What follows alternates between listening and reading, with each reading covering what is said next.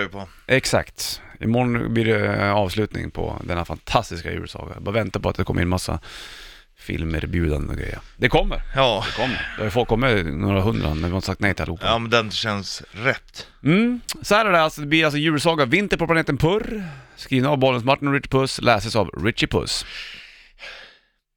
Kapitel 15 Fess Herkel vaknar ur sin tre kapitel långa tantlur. Nu är hon äntligen redo att göra entré på riktigt. Hon börjar gå mot där hon sist såg den illröda pälsbollen. Mellan de två träden där Purri-Purri sist stod ser hon Flimra ligga och ska föda de två tvillingomsen. Purri-Purri hjälper till så gott han kan. Han håller sig lite i bakgrunden men peppar som ingen annan. För Serkel ser nu sin möjlighet. De har ju inte koll på de fyra första omsen. De ligger i en slarvig hög bredvid Puripurris hawaiiskjorta. Hon smyger upp och stoppar ner dem i sin nyinköpta handväska.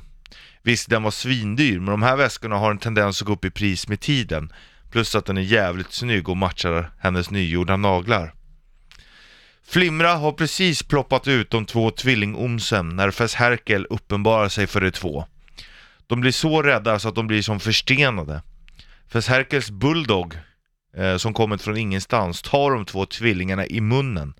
Precis så som hon bär sina egna valpar. Fess Herkel och Frank springer mot rymdskeppet.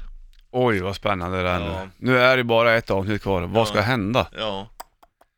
Nu har alltså Fess Herkel alla sex omsen. Jaha, det var ju typiskt det. Hur ska det här kunna gå? Då blir det ju iskallt där borta. Ja, Mhm. men jag har ett avsnitt kvar för att se vad som... Ja, imorgon smäller det, Ja. kan man säga. Kan Då man är